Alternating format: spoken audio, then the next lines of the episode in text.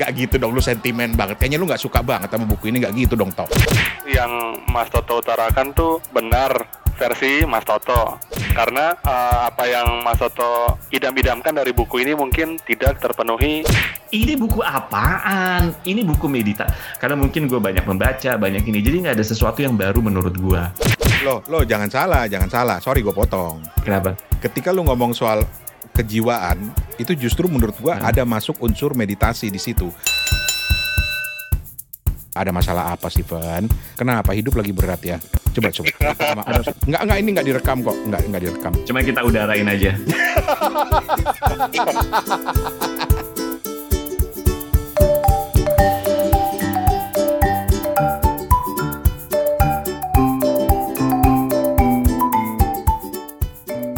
Kepo buku kumpul lagi kali ini masih dengan gua Rane Hafid di Bangkok. Dan saya Hertoto Eko di Singapura seperti biasa. Dan Stephen di Ambon. Yes. Nah. Oke. Jadi kayaknya hari ini eh, akan ada perdebatan seru karena kita akan membahas satu buku yang sama. Judul bukunya itu dalam bahasa Inggris adalah Into the Magic Shop: A Neurosurgeon's Quest to Discover the Mysteries of the Brain and the Secrets of the Heart oleh Bapak James R. Doty MD. Hmm. Itu versi bahasa Inggrisnya yang asli. Kalau versi bahasa Indonesianya, Van? Into the Magic Shop.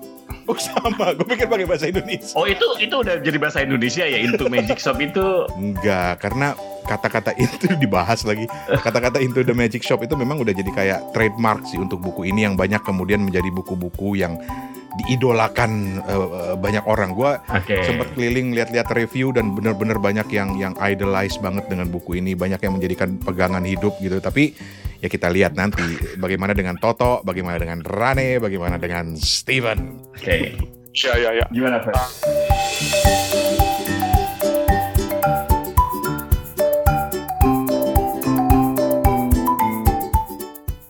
Jadi ini merupakan buku awal tahun yang menurut aku tuh bagus ya untuk menjadi sebuah pembuka gitu. Karena bagi aku tuh Into the Magic Shop adalah sebuah pengalaman membaca yang yang nano-nano. Ibarat uh, sebuah film tuh ada jatuh bangunnya, ada senangnya, ada sedihnya juga gitu. Ada ketegangan-ketegangan tertentu yang diciptakan yang membuat pembaca tuh tetap terpikat gitu. Kalau Hmm. enggak ya kurang kurang apa ya akan kedodoran gitu. Karena eh, apa yang menjadi titik buku ini adalah sebuah perjalanan hidup dari James Doty sendiri gitu.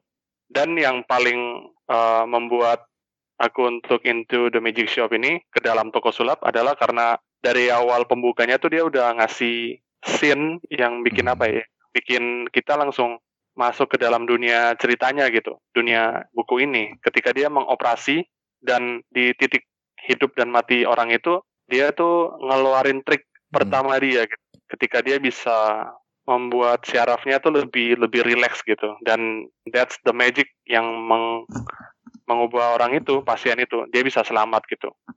Itu yang itu menurut aku. Hmm. Oke, tapi pesan pesan utama dari buku ini menurut lo apa, Steven? yang berkesan buat aku tuh ini eh, harus berbaik hati lah. Asik Asik. Asik. Sesuai, sesuai. Nah itu yang yang yang gue sempat struggle juga sih sebenarnya karena setuju bahwa pesan utamanya itu kan kita harus berbaik hati kepada sesama. Eh, tapi dalam bahasa Inggrisnya karena gue coba baca dua-duanya gitu ya, oh eh, dua versi itu. Jadi gue selang-seling gitu. Inggris tuh gue suka banget ada kata compassion dan compassion itu nggak bisa kita langsung terjemahkan ke bahasa Indonesia menjadi baik hati. Hmm, hmm. Karena itu lebih dari sekedar baik hati. Di situ ada unsur empatinya, ada unsur berbaginya gitu loh. Ya kalau dirangkum jadi baik hati bisa, tapi kan jadi kehilangan makna menurut gue gitu. Hmm. hmm, Dan itu Com- yang compassion. kata-kata compassion itulah yang menurut gue belum bisa diterjemahkan dengan pas di versi Indonesianya. Menurut gue, menurut gue. Hmm. Jadi menurut lo compassion apa, Ran? Makanya gue belum ketemu kata-katanya. gitu. Kalau gue boleh nambahin rangkumannya Steven tadi, makanya gue ngotot karena setiap orang bisa rangkumannya beda-beda. Ini baru mulai aja udah ngotot-ngototan. Kalau menurut gue, buku ini Hmm. eh, sama seperti yang Steven bilang, tapi gue mau tambahin bahwa dia itu sebenarnya bisa dibilang menggambarkan perjalanan kisah seorang uh, James R. Doty. Dia ini adalah seorang neurosurgeon terkenal Hmm. dan bagaimana dia bisa da- da- jadi bisa dibilang semi biografi semi atau biografi yang cerita tentang perjalanan dia dari kecil sehingga dia bisa mencapai sesuatu eh, eh, eh, apa ya mungkin bukan jalan hidup tetapi sesuatu pencerahan dalam perjalanan hidupnya karena hidup dia itu naik turun orang dia kan sempat bangkrut abis-abisan waktu com bubble Hmm. Hmm. sampai kemudian dia mendirikan apa yang disebut sebagai apa eh, riset Center of Compassion and Altruism Research and Education. Be. Dan ini berafiliasi dengan Institut eh, Neurologi dari Universitas Stanford. Hmm. Dan yang menariknya lagi, di situ dia kerjasama dengan Dalai Lama. Oke, oke. Oke, itu kalau menurut gue. Nah itu, nah di situ, nah kemudian eh, dari Hmm. situ da- salah satu temuan dalam hidupnya dia yang ternyata kalau dia lacak ke belakang, dia pernah belajar tentang compassion itu atau me- Hmm. menjiwai dan mengontrol pengendalian diri, meditasi segala macam. Dia pernah belajar dari seseorang yang dia temui di sebuah toko sulap. Makanya judulnya kan Into the Magic Shop. Hmm. Nah, cerita itu buat gue menarik. Gitu. Hmm. Sampai bukan sampai eh nanti Toto cerita cerita aspek yang lain ya. Gue mau cerita aspek gue yang dulu. Bahwa ketika gue pertama-tama membuka, memang dia cerita tuh. Eh, seperti Steven bilang tadi ya, eh, eh, cerita pertama di pengantarnya itu menarik. Bagaimana dia proses ketika dia sudah jadi ahli bedah saraf, mau mengoperasi seorang anak, membuat si anak tenang dan juga membuat dia tenang ketika terjadi masalah itu menarik banget karena dia pakai pengendalian otak gitu, pengendalian pikiran yang yang luar biasa yang tingkat tinggi gitu. Tapi ketika masuk ke bukunya kan dia cerita dari peng- pengalaman perjalanannya. Lah tiba-tiba muncul nama Dr. Dale Carnegie. Penulis idola Nah, idola lo kan ya. penulis idola Hmm. gue. Di situ gue mulai males ah. tapi tapi gue minta maaf ini kepada sekali lagi kepada para penggemar Dale Carnegie Hmm. karena ini subjektivitas gue mungkin karena berangkat dari pengalaman gue waktu kecil dulu waktu membaca buku ini gitu. Tapi gue yakin penggemar Dale Carnegie nggak mungkin dengerin lu sih, Ran. Nggak mungkin ya. Nggak mungkin. Mereka dengerinnya pasti yang udah top-top gitu. Nggak mungkin dengerin dengerin orang-orang kelas kayak lu. Iya sih, bener, Kata kayak kita. bener sih. Orang-orang optimis.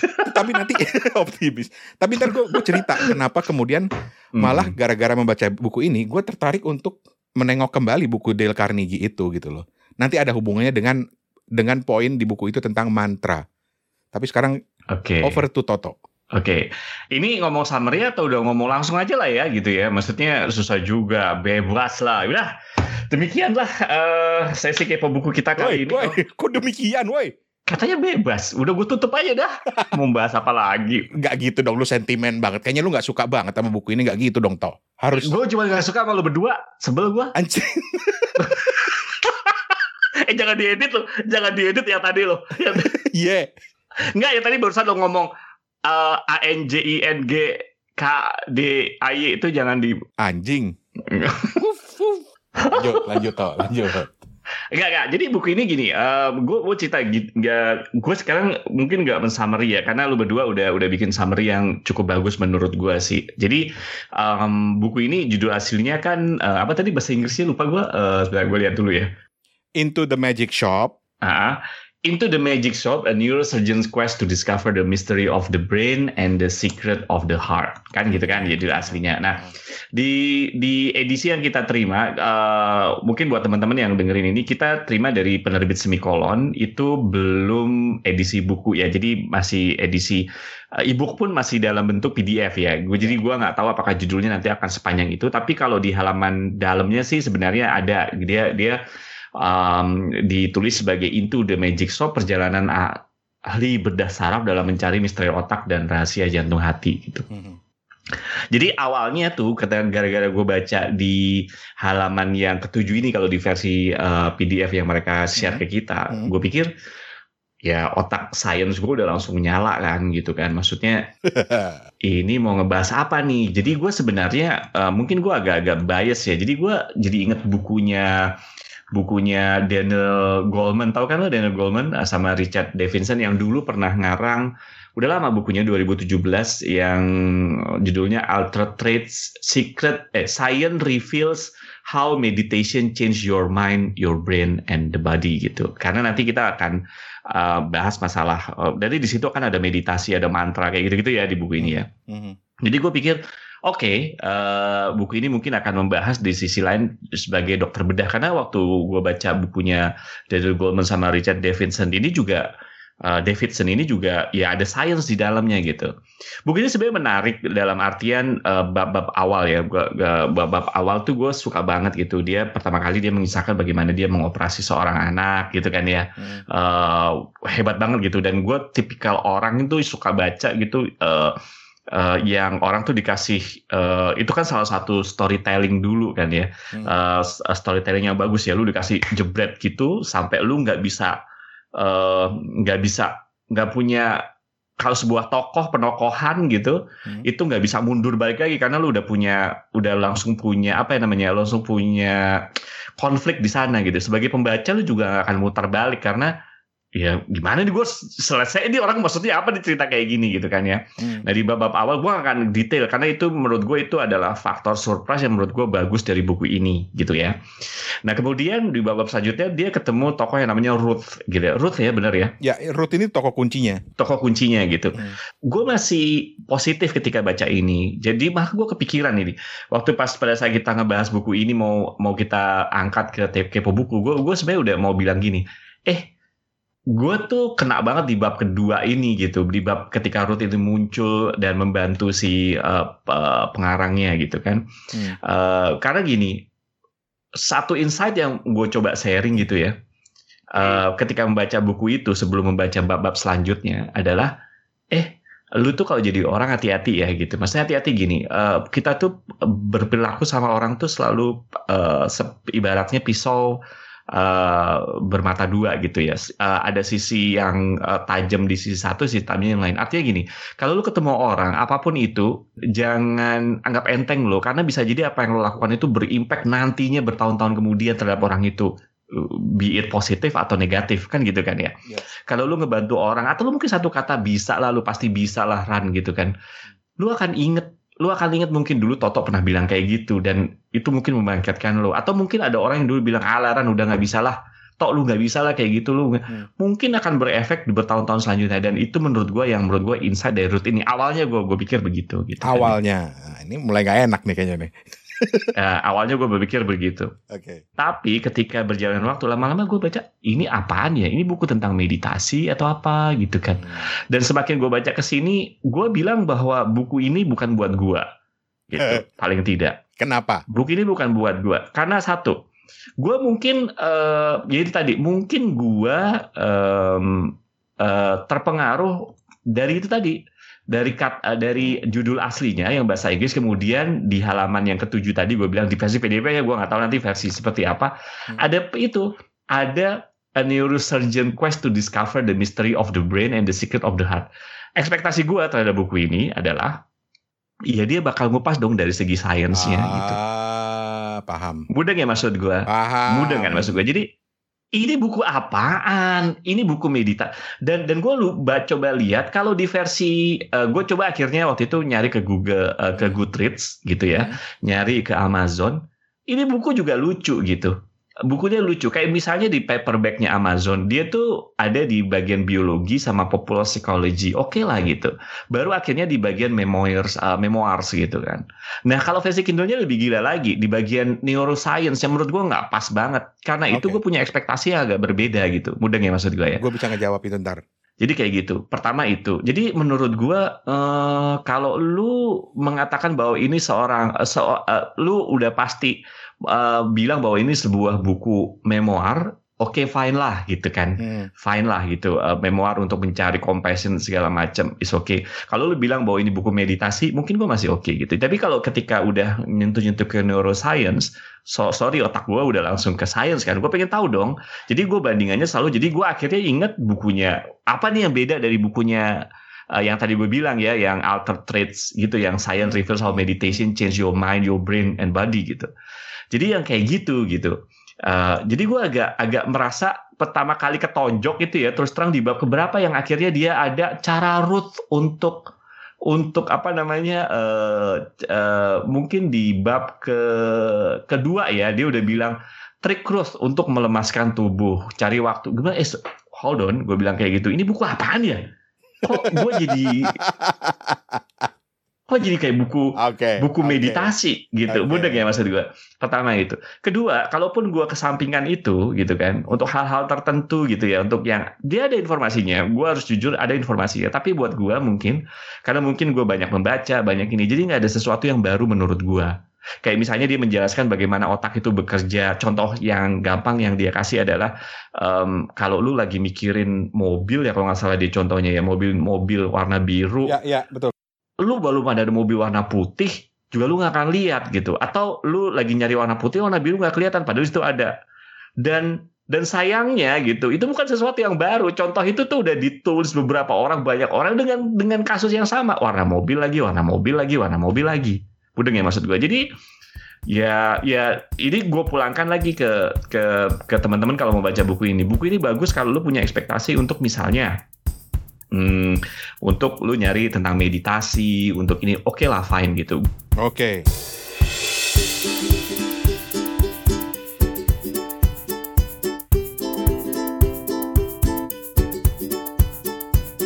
uh, menurut aku tuh yang Mas Toto utarakan tuh benar versi Mas Toto hmm. karena uh, apa yang Mas Toto idam-idamkan dari buku ini mungkin tidak terpenuhi dari uh, kacamatanya Mas Toto dari uh, bidang pemikirannya Mas Toto gitu ya. Hmm. Tapi kalau misal pun teman-teman pengen membaca buku ini yang akan ditekankan oleh oleh si Jim Doty ini adalah uh, bagaimana menerapkan mindfulness itu sendiri dan bagaimana kasih sayang itu yang tadi dibilang sama Bang Rane compassion itu change your life gitu. Itu yang itu yang mungkin menjadi titik tolak dari buku ini gitu.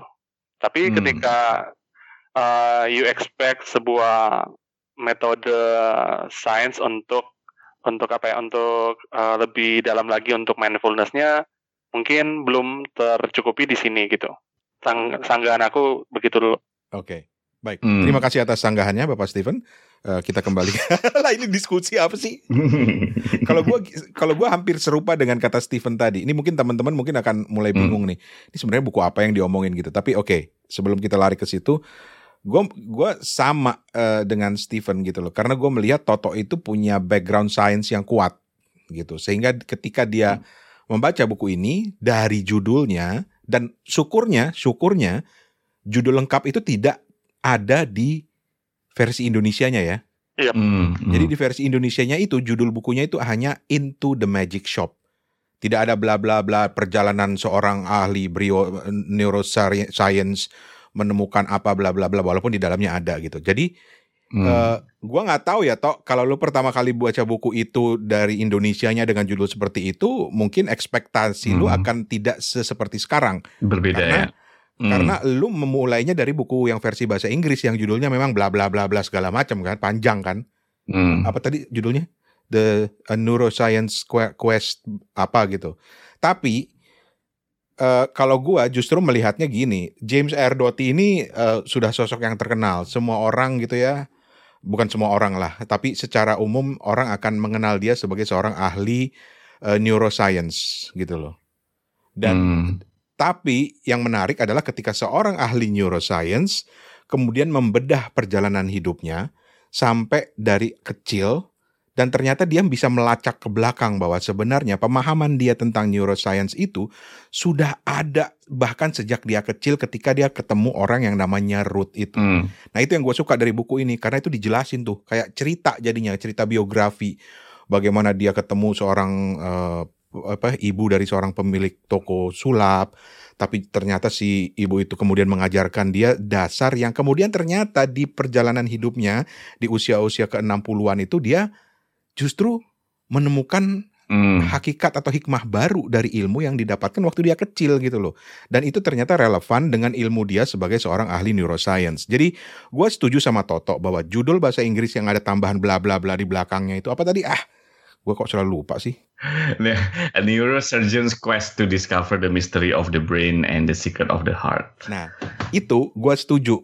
Buat gue, kalau gue Toto yang kenceng di sainsnya, gue akan kecewa karena tidak menemukan secara lengkap dari segi, segi saintifik. Karena gue percaya bahwa perjalanan hidup seseorang itu, terutama orang-orang yang di bidang sains ya, di bidang sains atau di bidang apa yang mendalami sebuah ilmu, dia akan mulai dengan menggali ilmu dasar, lanjut, advance segala macam, Mm-mm. dan akan sampai di titik di mana udah tinggi banget. Kalau orang-orang sufi itu bilang udah udah level makomnya udah tinggi gitu istilahnya ya. Sehingga Mm-mm. Justru pemahaman dia itu jadi lebih holistik. Mm. Nah, itu menurut gue yang dialami oleh eh, eh, si si James R. Doty ditambah perjalanan hidupnya yang tragis. Seorang ahli neuroscience tiba-tiba terjun ke dunia bisnis investasi bidang apa eh, apa istilahnya sih? Dot- Startup. Startup. Terus tiba-tiba Hmm. bubble burst, bangkrut-bangkrutan habis-habisan, jatuh, keluarganya berantakan segala macam. Upaya dia bangkit itu kemudian dia menemukan sebuah perjalanan Mm. eh, spiritual gitu. Jadi jadi Hmm, itu. hmm, Jadi hmm. gue percaya sekali lagi gue percaya bahwa seseorang yang mendalami sebuah ilmu kalau dia cuma sampai pada level di mana dia ilmu tertingginya itu adalah lebih kepada pemahaman biasa atau pemahaman yang ang- yang Hmm. yang yang scientific, buat gue itu dia belum sampai. Kalau orang-orang eh, Arab itu bilang Hmm. belum sampai makomnya. Makomnya justru adalah ketika dia pada akhirnya sudah bisa membedah hakikat dari ilmu yang dia pelajari. Mm. Sama ketika misalnya Toto belajar matematika dari sekarang, terus sampai nanti mungkin Toto umurnya udah 80 tahun, amin ya mudah-mudahan panjang umur ya Tok. Gitu. Amin. Justru pada saat, itu dia melihat matematika itu sudah tidak lagi pada tataran angka. Gitu loh. Tapi Tapi le- lebih kepada tataran yang filosofis. tataran cinta, Eh, tataran cinta. Why not?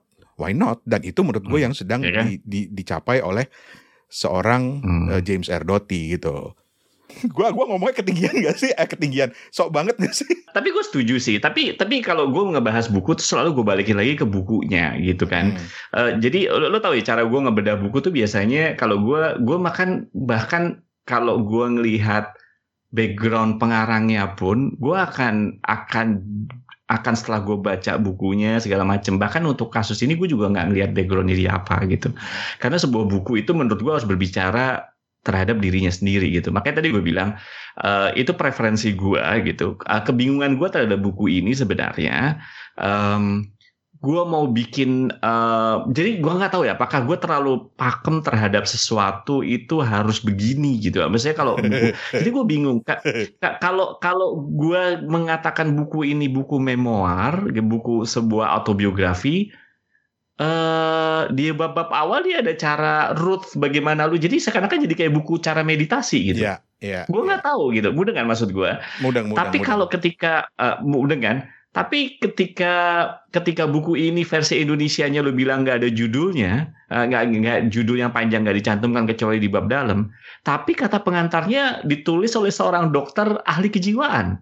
Jadinya agak walaupun kalau lu baca sebenarnya Hmm. kata kata pengantarnya oleh dokter Andreas ya sebenarnya nggak ada ngomong masalah sains ya enggak Iya, dia iya. ngomong Nah, masalah core belief which which I tapi kenapa dokter sekarang kalau ngomong masalah kayak gitu kan apakah Oke. karena pengarangnya dokter terus lu harus pengantar dokter kenapa kalau dia pengantarnya akhirnya misalnya seorang em, eh, yang ahli meditasi mungkin gue masih agak memaafkan gitu ya mudah nggak maksud gue Loh, loh, loh, jangan salah, jangan salah. Sorry gue potong. kenapa Ketika lu ngomong soal kejiwaan, itu justru menurut gua Hmm. ada masuk unsur meditasi di situ. Karena meditasi itu kan eh, melibatkan antara sesuatu yang sifatnya fisikal, yaitu eh, otak kita gitu gue ya. nggak lihat dari situnya gue nggak lihat dari Nah. situnya I fully agree on that tapi gue Oke. nggak setuju ketika berada dalam satu buku jadi buku ini tuh gaduh-gaduh nggak jelas kalau menurut gue Oke, jujur gue bilangin Seriusan Siap. lu mau di- dijadiin buku medit so- sorry ya kalau gue bilang gue gue a bit blunt nggak mungkin kalau gue bilang kayak gini Ah. dibilang mau buku meditasi juga bukan Hmm. bu dibilang buku memoir juga ya gue lebih cenderung lebih cenderung akhirnya sorry ya this book is actually a memoir Oke, kalau gue bilang jadi menurut lu itu lebih kepada memoir ya? Hmm. Gue lebih cenderung memoir. Ada perintilan di sana sini bagaimana dia cara meditasi karena dia hmm. dia nge-sharing ada beberapa bab kalau nggak salah dua bab atau tiga bab ada cara meditasi, cara Ruth gitu ya. Bukan meditasi lah, cara melemaskan tubuh, cara rileks tubuh uh, Ruth. Gue anggap sebagai bonus. Tapi kalau lu kalau lu balikin lagi ke pakem awalnya memang sebuah perjalanan seperti tadi gue bilang, yes, it is a journey. Artinya sebuah sebuah buku memoir uh, buku buat gue harus berbicara uh, apa ya harus berbicara untuk dirinya sendiri gitu. Makanya uh, kalau gue bilang eh sebentar kalau jadi gue kalau ngeliat buku tuh kayak begitu. Sebentar lu lu lu mengatakan lu tuh siapa gitu. Tapi kalau di dalamnya gue ini ini ini ah nggak jelas lu ah gitu. Kalau gue gitu sejujurnya gitu gitu. Okay. tapi kalau buku ini akhirnya gue emang memo, uh, memoir deh. Tapi ada bonus peritilan bagaimana uh, yang tadi gue bilang ya Ruth kayak gitu-gitu. Mm -hmm. uh, terus bagaimana akhirnya gue nemuin compassionate ya is okay gitu kan namanya orang cerita kan gue berjalan akhirnya ada insight ya boleh boleh aja dong cerita sedikit cara gue begini begitu oke oke aja dong kalau menurut gue sih begitu okay. gitu kalau menurut gue hmm. ini kemudian membawa gue ke pertanyaan berikutnya dan ini mungkin buat benefit dari teman-teman yang mendengarkan ya karena hmm. yang mendengarkan mungkin belum baca sementara kita udah baca sehingga kita bisa berdebat seru di sini gitu kan ya hmm. tapi buat benefit teman-teman yang lagi mendengarkan key takeaway atau uh, apa poin paling penting yang bisa didapat dari buku ini apa? Uh, ini berusaha untuk nggak benci-benci amat sama orang yang nyakitin lo gitu. Kenapa bisa begitu, Fen? Uh, sebelumnya kan memang this is actually sangat-sangat berat gitu ya dan hmm. juga lagi gua hadapin hari-hari ini gitu kan. Waduh, apa-apa? Sini sini cerita sama Om, cerita sama Om sini. sini cerita cerita cerita sama Mbah Rani, cerita sama Mbah Rani dan Om Toto. Cerita sama Mbah Rani sama Engkong Toto. Dan apa ya? Dan key takeaway lainnya tuh ya coba baca buku ini. Kalau nggak baca, lo rugi karena lo bakal inspired banget dengan kisah perjalanan Jim Doty ini. Itu aja sih menurut Tapi, aku. Balik ke poinnya Toto tadi. Yep. Menurut lo ini memoir? Memoir. Sebuah perjalanan kisah, perjalanan. kisah gitu ya, perjalanan hidup. Meskipun uh, ini Into the Magic Shop ini diterbitkan oleh uh, Imprenia Penguin Every Book yang terkenal dengan buku-buku psikologi populer yang bagus-bagus. Hmm. Misal saja yang kemarin Mas Toto cerita tuh uh, Atomic Habits misalnya. Hmm. Jadi ini hmm. satu lini nih, satu lini sama uh, hmm. Every Books yang notabene uh, memang punya punya apa ya? Punya presiden menampilkan uh, para para dedengkotnya lah ibaratnya gitu ya. Kalau hmm. James Clear tuh bikin bikin tentang satu persen setiap hari dan Jim Doty ini hmm. uh, dengan altruismnya gitu ya, yang akan yang yang ternyata tuh cuma dikupas di akhir-akhir doang gitu hmm. bersama Dalai, Dalai Lama kipranya gitu. Oke. Okay. Hmm. That's interesting. Kalau balikin ke lu tuh key takeaway-nya? Key takeaway seperti tadi gue bilang ya, uh, buku ini tuh yang tadi gue bilang ya, uh, insight yang langsung kena buat ke gue gitu ya. Uh, terlepas bagaimana root itu me mempengaruhi uh, apa pun cara root gitu kan ya, uh, mempengaruhi si pengarang. Menurut gue ya itu tadi, key takeaway-nya adalah uh, lu harusnya berhati-hati dalam bersikap gitu loh. Maksudnya tadi gue bilang ya okay, bahwa okay. apa yang lo lakukan sekarang bisa bisa pengaruh lagi untuk kemudian. Kedua yang gue take key take away yang menurut gue positif dari buku ini yaitu perjalanan uh, sang pengarangnya sendiri gitu ya. Karena uh, tadi Steven udah bilang lah kayak gitu bagaimana dia ada up and down gitu kan dulu juga dia susah bagaimana kalau nggak salah bapaknya abusive kayak gitu-gitu tapi bisa jadi akhirnya jadi ke, dia masuk ke kedokteran kemudian jadi masuk ke bedah saraf di Stanford kayak gitu-gitu kan. Menurut gue sih bagus banget kalau lu menempatkan buku ini sebagai sebuah kisah perjalanan gitu. Um, key takeaway-nya itu bahwa orang itu ada struggle-nya sendiri, ada ada challenge-nya sendiri, tapi ya ya dengan dengan apa ya tadi ya ada orang lain yang ngebantu lu ada compassionate yang akhirnya lu juga harus menularkan itu kan lu lu dibantu sama orang ya lu harus ngebantu banyak orang gitu kan menurut gua gitu kan take and give lah gitu kan yeah. Iya. uh, ke orang lain kayak gitu sih menurut gua dan dan itu key takeaway yang menurut gua bagus gitu dari dari dari kisah perjalanannya dia ya kalau gua baca buku ini gitu.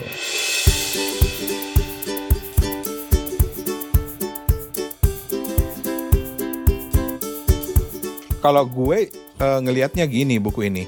Hmm. Jadi buku ini menurut gue dibagi tiga. Yang pertama itu adalah pengalaman memoir dia waktu dia kecil dulu. Yang poinnya adalah Into the Magic Shop. Bagaimana dia belajar dari seorang ibu Ruth sebagai seorang anak kecil yang awalnya pesimis banget. Ngapain sih gue diajarin kayak apa nih, kayak meditasi lah, apalah segala macem gitu. Tapi mm -hmm. si Ibu Ruth bisa mengajarkan dengan bahasa yang mudah dipahami oleh anak-anak. Jadi itu itu perjalanan hidup tahap awalnya dia. Nah, perjalanan hidup tahapnya uh, uh, apa uh, poin kedua lagi dari buku ini adalah karena tadi kan yang pertama Into the Magic Shop, yang kedua itu dia bercerita mm -hmm. dari segi memoirnya dia memang, tapi dia bercerita tentang uh, uh, kalau di versi bahasa Inggrisnya itu adalah misteri dari otak manusia dan dia sangat kompeten untuk ngomong itu. Mm -hmm. Gitu loh dia kompeten banget men. Dia ahli neurosurgeon kerjaannya ngebukain otak gitu sampai gue bisa baru tahu penggambaran deskriptif dia katanya ketika bagian uh, kulit kepala itu diangkat dari tengkorak itu menimbulkan bunyi kayak orang membuka velcro gitu loh. Ada lu baca kan itu bagian itu kan? Krek gue sampai bisa membunyikan sendiri itu ketika membaca. Jadi dia memang kompeten di bidang ini. Jadi dia meng meng mengulas soal misteri otak manusia di situ gitu loh. Mm-hmm. Gitu. Nah baru yang ketiga buat gue penafsiran gue adalah puncak memoir ini perjalanan karir dia, yaitu ketika dia akhirnya membahas soal kalau di versi bahasa Inggrisnya adalah the secrets of the heart, rahasia hati gitu. Uh, uh, uh, mm. Bagaimana ternyata dia menggabungkan antara nalar dia dengan pikiran dia, antara fisik dengan yang non fisik. Kalau guru gua dulu sering bilang antara zikir dan fikir. Asik. Sehingga lengkaplah ilmu yang dia dapat gitu loh. Oke. Okay.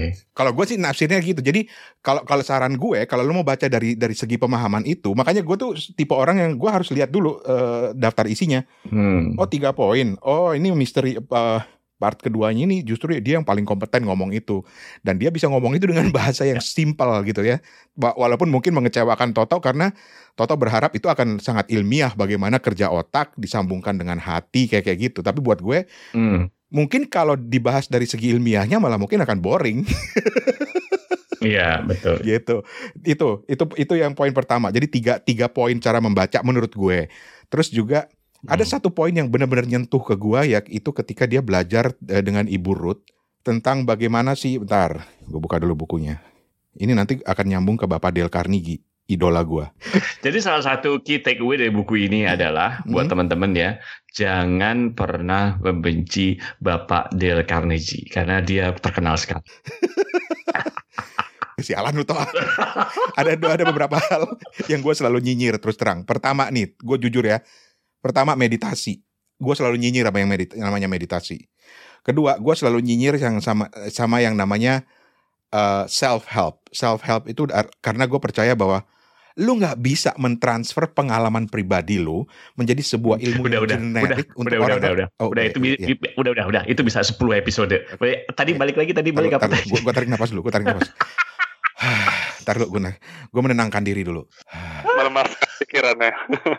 melepaskan pikiran. Itu ada di itu teknik untuk melepaskan pikiran. Coba di diperagakan dulu.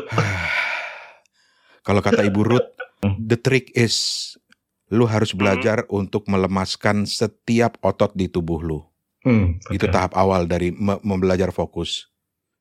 Sebelum lu cerita ya sebelum lu cerita gue sebenarnya ada pertanyaan loh. Gue gue gue gue mungkin nggak teliti baca bukunya. Hmm. uh, ngomong-ngomong si bapak Doti ini sampai sekarang masih bisa sulap nggak ya oh iya itu itu sisi yang bagus itu cerita yang bagus ya. Dia itu dari kecil suka sulap. Dan terus terang salah satu yang menarik uh, gua untuk lanjut membaca buku itu ketika di bagian-bagian awal dia bilang cerita ini bermula dari ketika dia kehilangan jempolnya. Gue bilang kenapa hilang jempolnya? Nah, itu dia. Makanya gua, gua, nah itu salah satunya gua gua gua um, nggak belum baca yang bagian itu di edisi bahasa Inggrisnya ya. Mungkin nanti Fen uh, atau Rane ya lihat deh kayak gitu. Karena pada saat itu gue langsung eh sebentar sebentar sebentar sebentar ini ini uh, karena gue baca bahasa Indonesianya ya jadi gue belum sempat baca halaman yang yang itu gitu. Hmm. um, ya yang yang dia kehilangan jempolnya. Karena kalau menurut gue sebentar.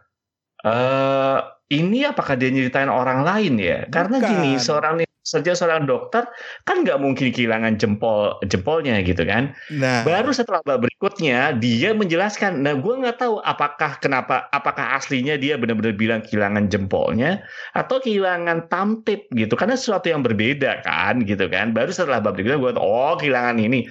Makanya gue sempat berpikir. Jadi gue gue belum baca baca Inggrisnya yang bagian itu apakah penerjemahannya itu tepat atau enggak hmm. gitu apa emang disengaja? Bahasa Inggrisnya gitu juga. Dia kehilangan jempol. bisa cariin di gitu. bagian bahasa Indonesianya. Ada nggak sih yang dia ngomong kehilangan jempolnya? Di situ sebutnya jempol nggak sih Van? Di kehilangan di ibu jarinya kalau nggak salah. Makanya gua ibu jari ya? Uh, uh, makanya mm, nggak mm, bisa dong dokter dokter bedah kehilangan ibu jari jadi dokter iya. bisa gitu. Karena iya kan? lu melihatnya langsung jadi mindset lo ketika mulai baca buku ini adalah benar-benar mindset dia seorang neurosurgeon dan apa yang harus dia lakukan itu adalah menurut penafsiran lo mencerminkan what a neurosurgeon does gitu kan?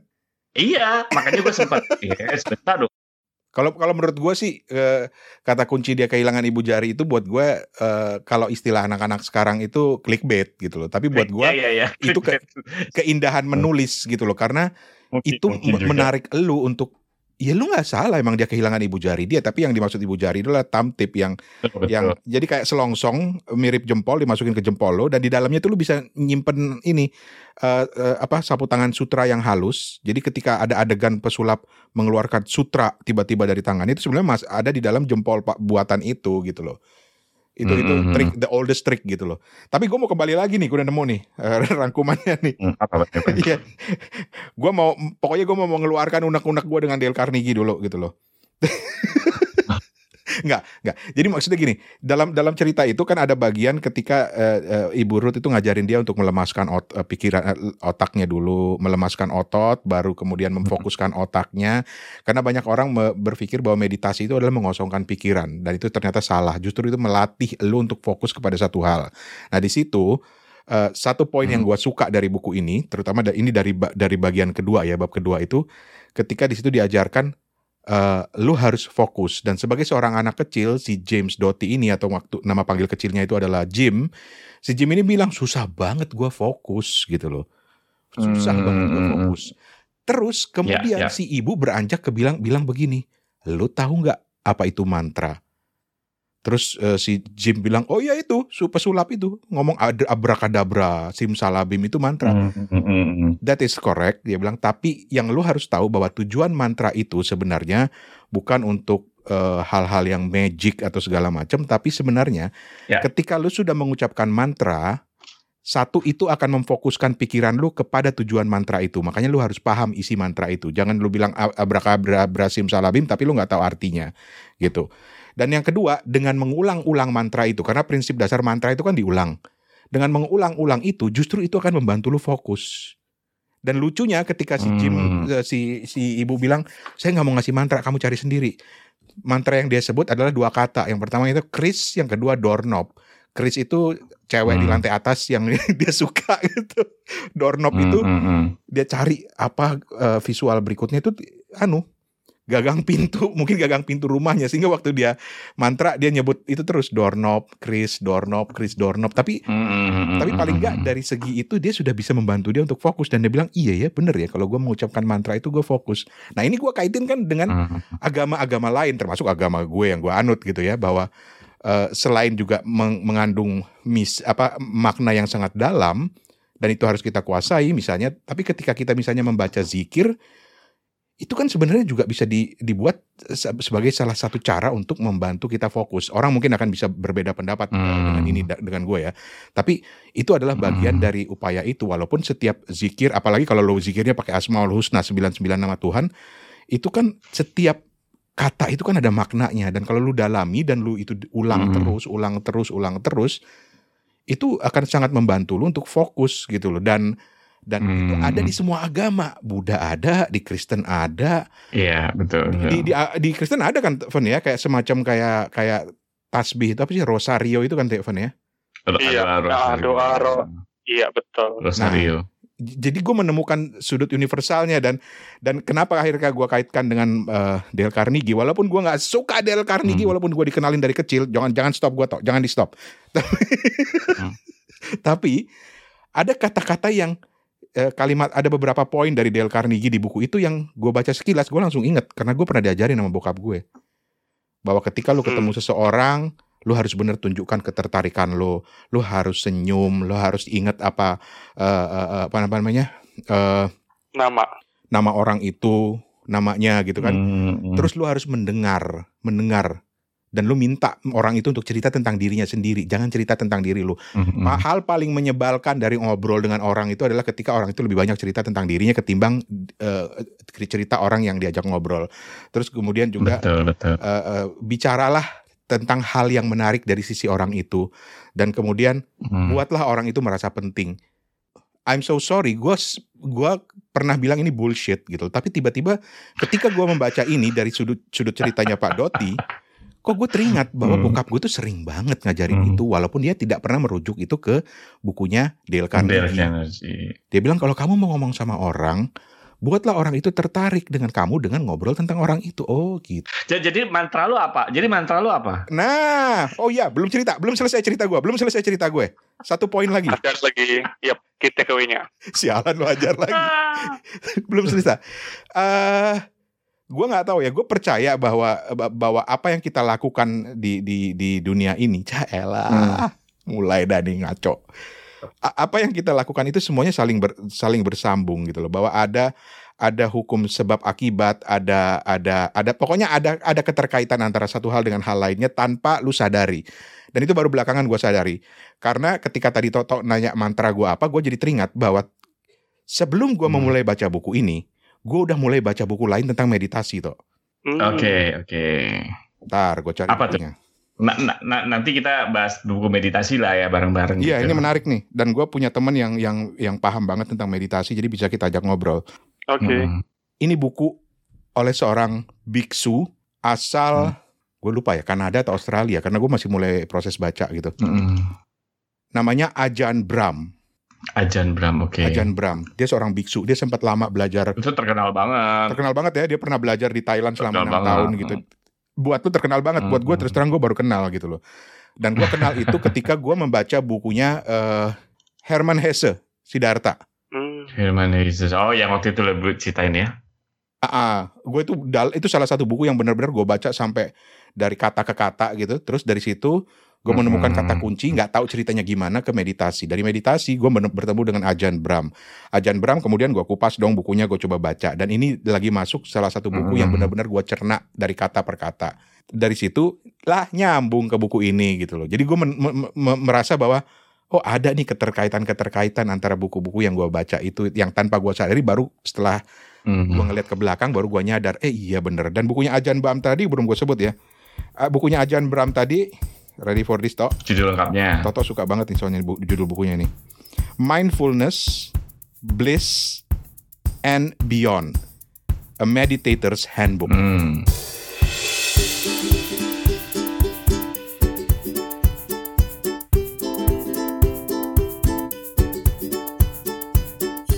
Tapi ini eh, eh, agak agak eh, menyimpang dulu. Menurut gua masalah mantra ini menurut gua harus didudukan sekarang nih. Jangan sampai gua penasaran nggak selesai-selesai. here we go terserah deh siapa ahli-ahli mantra gitu. Hmm. Ini nggak ada hubungan dengan buku ini. Ini agak side track. Lu dulu pernah baca Bobo nggak? pernah Baca Bobo. Lu lu tahu ada karakter namanya Juwita dan Sisirik. tahu Oke. Sisirik eh, eh, mantranya apa? nah itu gue nggak inget Sisirik mantranya Alakazam. oke Oke. Si Juwita mantranya apa? Nggak tahu Si Juwita itu mantranya Abrakadabra. oke Udah ya, Abrakadabra. Lu cari deh gitu.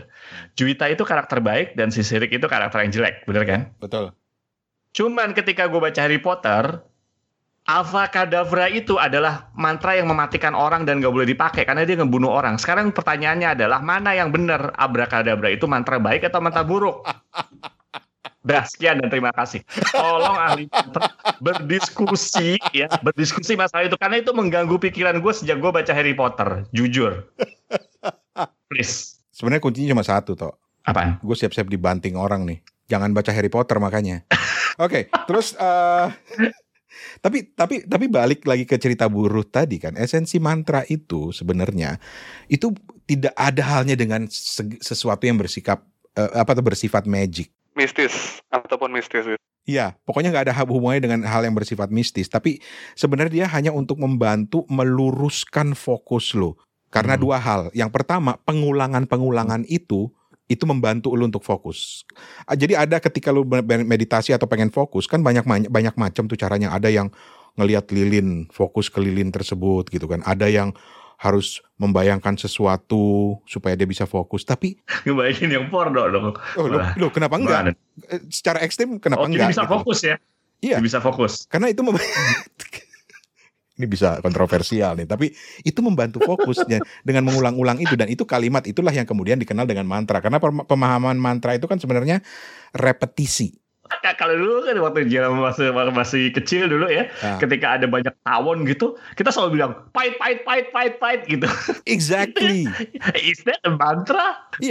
karena karena apa dengan lu ngomong kayak gitu itu lu ini, ini menurut pemahaman gue ya dia lu akan dibantu untuk Hmm. fokus eh, a- agar menghindari agar tidak panik dan bisa menghindari tawon tersebut gitu loh itu menurut gue ya jadi jadi sisi repetisinya tetapi juga sisi kontennya juga penting gitu loh ya kalau pahit pahit Hmm. pahit gue nggak ngerti apa artinya tapi dari sisi kontennya itu penting Ya, karena tawon itu kayak manis-manis, i.e. madu, uh, oh nektar gitu. oh, kan. gue pahit gue pahit gue pahit gitu ya jangan digigit gitu ya Kayak gitu. uh, uh. anjir Pahit. bener ya gue nggak pernah kepikiran lo toh Ilmu ilmu ngehususin tawon ya. itu dia. Itu dia. Jadi Iya. jadi ya itu tadi kan itu dari segi repetisinya dan yang kedua itu dari segi kontennya. Makanya lu nggak boleh sembarangan. Makanya gue paham kalau Toto terganggu dengan istilah abrakadabra yang di Harry Potter tuh negatif di majalah Bobo itu positif gitu loh. Karena sebenarnya karena konten itu penting gitu loh. Konten dari mantra itu penting. Makanya ya kalau gue Hmm. dulu gue inget banget ketika gue mau ujian gue selalu diingatkan oleh eh, bokap gue untuk selalu bilang gini kamu bisa kamu bisa kamu bisa kamu bisa kamu bisa gitu loh Hmm. gitu lu bayangin nggak gue diajarin mantra yang artinya ternyata yusak yusak yusak yusak bego bego lu ya lu bego bego beneran gitu.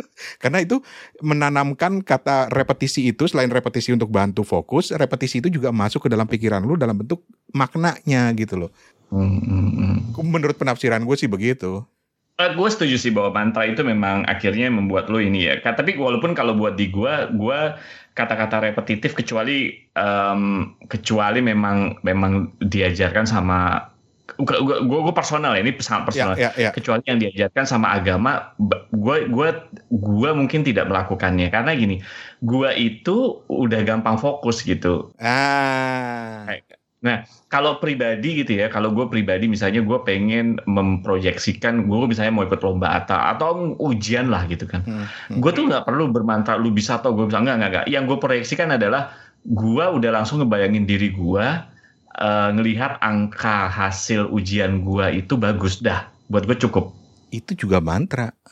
Eh bukan sorry sorry sorry itu bukan mantra itu bukan mantra itu bukan mantra tapi itu adalah basic dari Oke. dari meditasi juga bahwa sebenarnya dia memfokuskan kalau lu fokusnya kan Betul. lu tipe orang yang ter- tidak perlu dibantu dengan eh, melakukan repetisi tapi fokus lu itu udah bisa ke Mm-mm. nilai gue bagus nilai gue bagus gitu loh Ya, jadi gue cuma ngebayangin diri gue gue nilai bagus, gue Nah. disalam disalam sama guru-guru gitu kan. betul Gitu misalnya. Kalau Toto- gitu aja sih. ngelihatnya itu dia udah ngeliat ke depan nilai gue bagus kalau kalau gue yang bukan orang yang yang visual seperti itu atau yang tidak punya kemampuan fokus seperti itu gue akan terjemahkan dengan bilang nanti nilai gue bagus nih ke depannya nilai gue bagus nilai gue bagus nilai gue bagus nilai gue bagus jadi gue harus repetisi Mhm. terus untuk menanamkan pikiran itu ke otak gue tapi ya itulah Hmm. itulah indahnya eh, bahwa setiap orang itu punya berbeda-beda cara gitu loh kalau Steven mungkin gimana Fen? Kayaknya nggak ada. Dan dan satu hal ya satu hal kalau misalnya pun eh gue tahu buku ini lebih dulu ya mungkin belajar gue tuh akan mungkin lebih terbantu gitu ya karena banget. tahu namanya yang namanya lebih fokus gitu kan. Karena sekarang nih eh, banyak orang tuh yang share gitu ya ketika Hmm. eh, mereka mengawali hari mereka tuh sebelum jam to the action gitu mereka do something gitu ya yang diajarin sampai harus pergi ke sekolah biksu, Mm. eh, pergi Hmm, eh, apa ikutan camp sebulan gitu kan. Dan hmm, hmm. I don't know, tapi mungkin bakal mengubah sesuatu gitu ya. Aku nggak tahu, Hmm, tapi hmm. eh, apa pendapat dari Bang Rane, Mas Toto gitu. Kalau gue kalau gue bilang sih, uh, Kevin kalau lu bilang kayak gitu ini pendapat gue pribadi kita jadi nggak bahas bukunya, tapi ini segala ngobrol aja ya, kan terserah yang edit atau gimana caranya ya. Sialan lu. Lanjut. Enggak, maksud gue gini, em, kalau menurut gue itu cara ya, cara dan eh, mungkin metode gitu. Jadi kalau ada orang mungkin pakai, tadi Rani bilang ada pakai mantra, gue pakai visualisasi. Tapi yang yang yang menurut gue harus yang kita harus sadar itu pada dasarnya adalah hakikatnya apa kan, esensinya apa kan, gitu kan. Exactly. Uh, method is just a method gitu. Um, Exactly. Uh, uh, method is just a method. Lu bisa pakai mantra, bisa ini. Lu bisa harus masuk sekolah apa. Lu bisa hanya baca buku apa gitu ya. Yang penting esensinya gitu. How you make how you do it itu lain soal. Ada orang yang harus sekolah gitu. Ada beberapa hal yang menurut gue, gue udah ne- mungkin gue sama Rani gitu ya. Naturally kita udah bisa ngelakukan tanpa harus sekolahin. Tapi ada sesuatu hal bidang gue sama Rani harus kayaknya formally kita harus ikut edukasi tentang itu gitu kan. Ran. Hmm, In hmm. any in in any field gitu. Gue nggak tahu ya.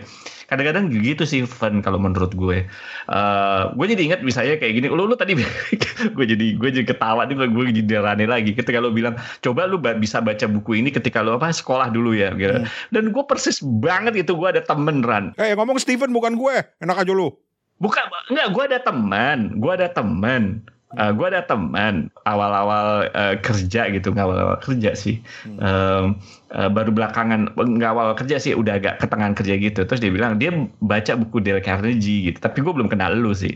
Terus dia bilang, dia bilang persis kayak Stephen bilang, coba ya gue udah baca buku ini sejak gue SMP, padahal buku ini udah pasti hidup gue jadi lebih berbeda. Kalau gue sekarang gue akan ngetok rumah dia mungkin, udah lu nggak usah nyesel. Ada teman gue juga udah baca, biasa-biasa aja juga hidupnya. Malah sebel gitu. Malah sebel gitu. malah jadi sebel gitu, malah jadi sebel gitu. Tapi maksud gue, gue mau ngajak ke, ke tadi Stephen bilang kan, it's, it's just a method gitu, Fun kadang-kadang. Mungkin ketika lu baca buku ini se- SMP, mungkin lu apa sih nih gitu kan?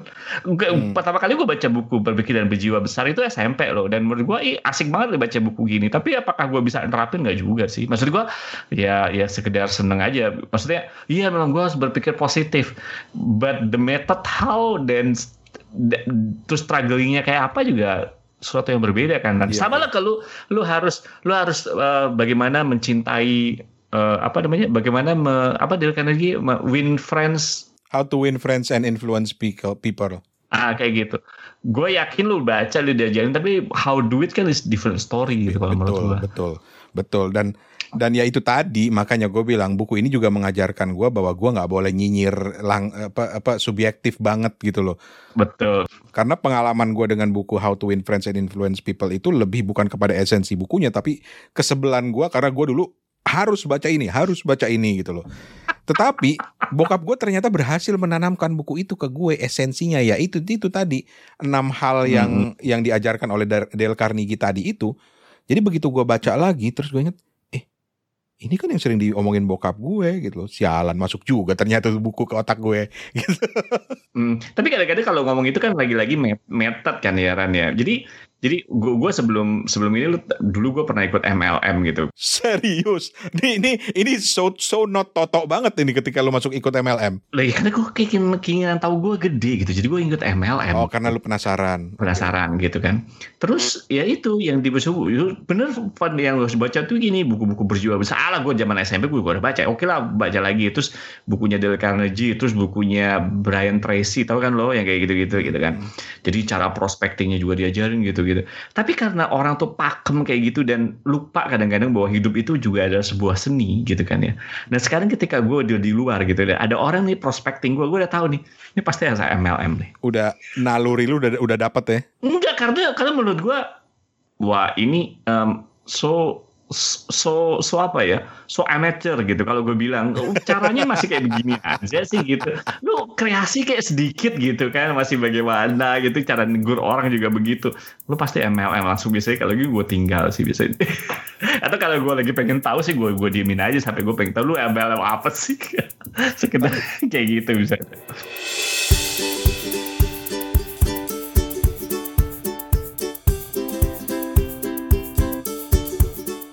ini, ini terakhir-terakhir lah ya.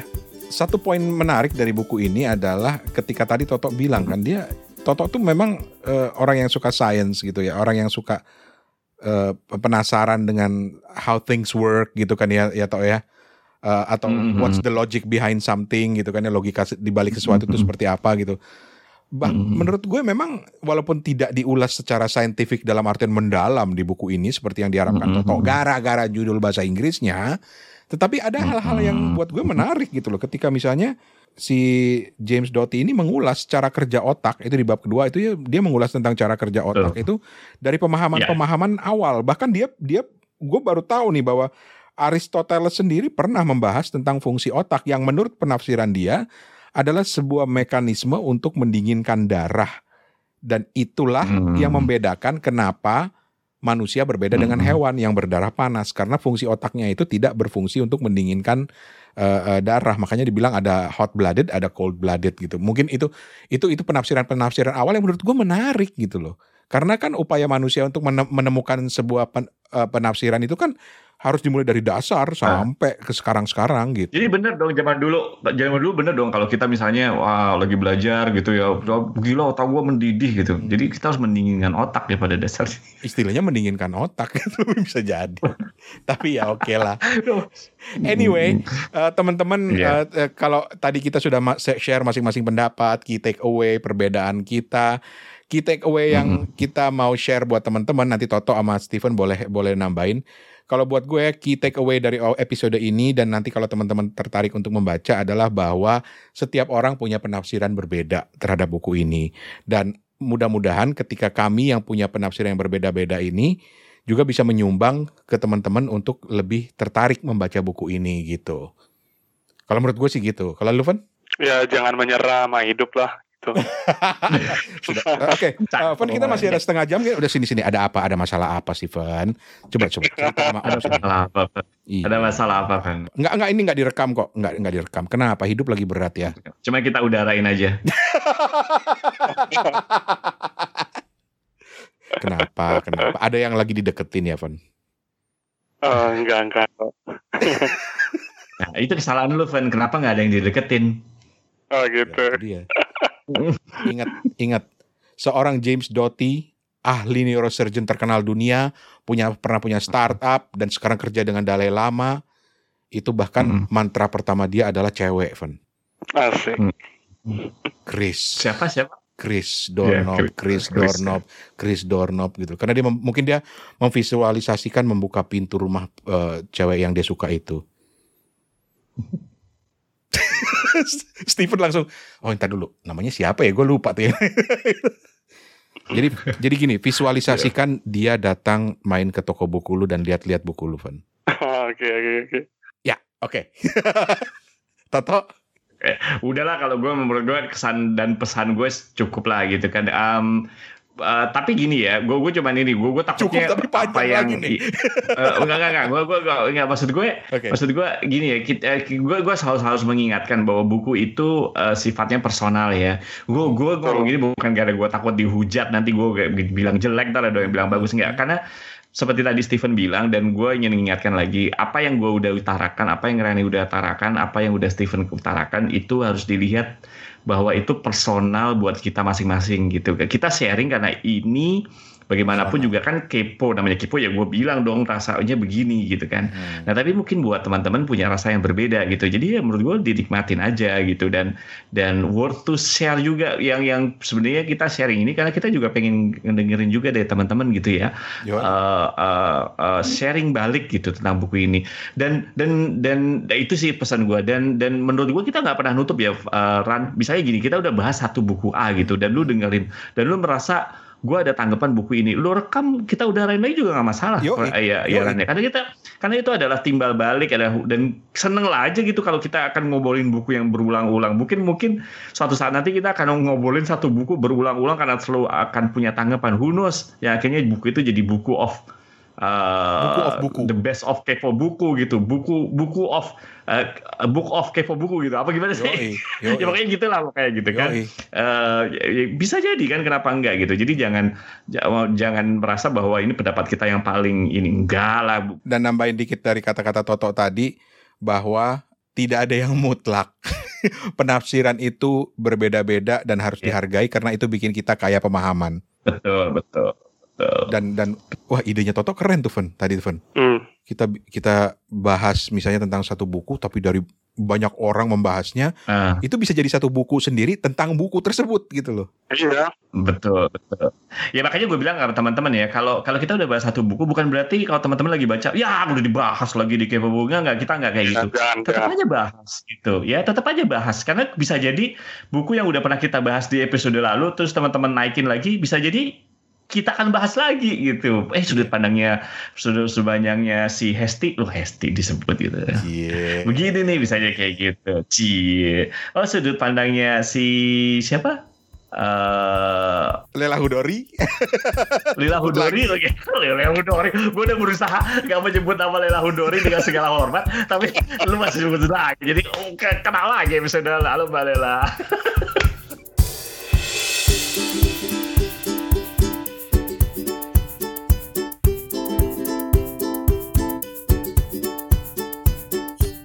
Oke, jadi itulah uh, pesan dari kita di Kepo Buku dan mudah-mudahan ini bermanfaat. Dan special thanks banget kepada teman-teman dari penerbit Semikolon yang yang bahkan mengirimkan kita PDF buku ini walaupun kelihatannya belum final tapi kita hargai banget uh, kepercayaannya dan tenang kita nggak akan share ke siapa pun ini dan ditunggu buku-buku berikutnya juga kalau mau dibagi nggak apa-apa. Eh, sedikit update kita juga baru dapat buku dari penerbit eh, Mekar Cipta Lestari. Ini bukunya keren banget menarik banget karena ini lagi-lagi buku yang diterbitkan dari Wattpad. Hmm judulnya apa judulnya? Deliverance. Deliverance penulisnya? Penulisnya itu nama pena ya Shireisu. Shireisu. Shireisu. Itu dari penerbit apa? Mekar Cipta Lestari penerbitnya ini Rini Elviri. oh oke Penerbit oke Siri. jadi gitu teman-teman eh, dari penerbit oh ya kita juga terima buku dari Bentang ya Fen ya Iya. Makanya kita Hmm. ketika uh, tadi Mas Toto cerita eh, nggak apa-apa kok eh, buku yang pernah kita bahas tuh eh, ditimpal balik ke di feedback lagi gitu. Hmm. Karena ketika baca buku Andiari itu Hmm. Diari Wuhan aku jadi keinget lagi sama bukunya eh, Nicholas Taleb yang kita pernah bahas Nah. tuh eh, Black Swan gitu. Oke Black oh ya oh Black ya Swan yang Rani itu yang Rani itu akhirnya cerdas banget di situ ya waktu itu nanggepinnya ya Sialan. Oke, jadi terima kasih Semikolon, terima kasih Mekar Cipta Lestari, terima kasih Bentang yang udah ngirim buku Wuhan Diary. Nanti akan kita bahas juga. Bahkan eh, Bentang mau eh, ng- ng- ngontak editornya buat ngobrol sama kita kan lebih seru kalau ada editornya di situ. Yuhu. Jadi kita bisa bilang, ini kenapa begini? Ini kenapa gini? Ah, rasain lu dia tanya-tanya sama Toto lu ntar. belum belum ngerti si Steven eh kok Steven sih jadi Steven eh ngomong-ngomong ya ngomong-ngomong ya nggak tahu ntar di editnya apa ini kapan kita akan bahas The Socrates Express Van Oh iya, um, mungkin kalau kita habis Wuhan Diary aja gitu ya, Ya, supaya Iya, kita lihat. betul, betul. Terus di sela-sela itu juga kita ada episode-episode yang yang agak out of topic sebetulnya, tapi ya seru lah. Iya. Ntar lah kita ceritain. betul betul betul Ada yang episode eh, ini ini ini ini ini beneran ya, ini beneran terjadi. Tapi kita nggak bisa bilang kapan akan muncul, tungguin aja. Ada episode di mana Steven konsultasi jodoh. Um, Serius, beneran, gua nggak bohong. Iya kan, Ven? Bener kan, Ven? iya, mm. Iya aja gitu. Nanti kita lemes episode. itu sih Van? Iya episode Oke, so ya terima kasih banyak, Eh, appreciate banget teman-teman kepo buku dan seperti biasa kalau mau ikut support kita, mainlah ke karyakarsa.com garis miring kepo buku untuk eh, kasih kita support dalam bentuk yang eh, eh, yang kita sebut sebagai celengan kepo buku gitu. dan gak ketinggalan uh, kita mau berbagi kebahagiaan juga ya ke dalam toko sulap nih ada tiga buku yang bisa teman-teman pendengar dapetin Hmm. ada kuisnya nih gimana nih bang Rane Oke, jadi karena gini kita pelajaran dari kepo buku yang kemarin-kemarin kalau ada kuis kita nggak umumin di episode ini karena episode ini kan panjang nanti begitu orang yang dengar setahun ke depan dia ngirim juga ntar minta ikut kuis gitu. oh Iya kan? Jadi Iya. teman-teman akan ada kuis nanti kita umumkan di eh, Instagramnya Kepo Buku. untuk mendapatkan Mm-mm. tiga buku ya dari Into the Magic Shop ini. Jadi masing-masing satu buku untuk Ya. tiga orang. Ada tiga buku masing-masing untuk tiga. Ya, iya gitulah. Toto tuh emang harus dijelasin dulu sih secara saintifik. Iya. Jadi gitu. Ada tiga buku. Dan kita sebelum ini kita akan uh, balik lagi bahas. Jadi compassionate itu apa? Tadi Stephen sempat mengucap kata yang menarik, kasih sayang. Karena kalau kasih sayang itu kan berarti bukan hanya sekedar memberikan kasih dan sayang lo, tapi juga mengekspresikannya dan juga mewujudkannya. Sayang. Karena compassion itu kan sih? menunjukkan dan mewujudkan gitu menurut gue sih. Gitu gak Stephen? Ya kurang lebih gitu. Compassion. Makanya da- daripada kata-kata compassion, gue paling suka kata-kata empathy. Lebih Hmm. Menempatkan diri lu pada posisi orang itu gitu loh. Sehingga lu bisa merasakan kesenangan dia atau penderitaan dia gitu. Panjang ini ntar toh episodenya toh. Panjang ya. Ya nggak apa-apa. Kita kan memang suka membahas yang filo, ber, ber, berfilsafat-filsafat gitu kan. Filsus. Malum lah. Hmm. Ini eh, Rane Toto Steven ini sudah sampai di level hakikat soalnya. Oke, kata. Udah. Pamit. Thank you Steven. ya Thank you, Rani. Thank you toh. Thank you, Mas Steven. ya sama-sama. Terima kasih.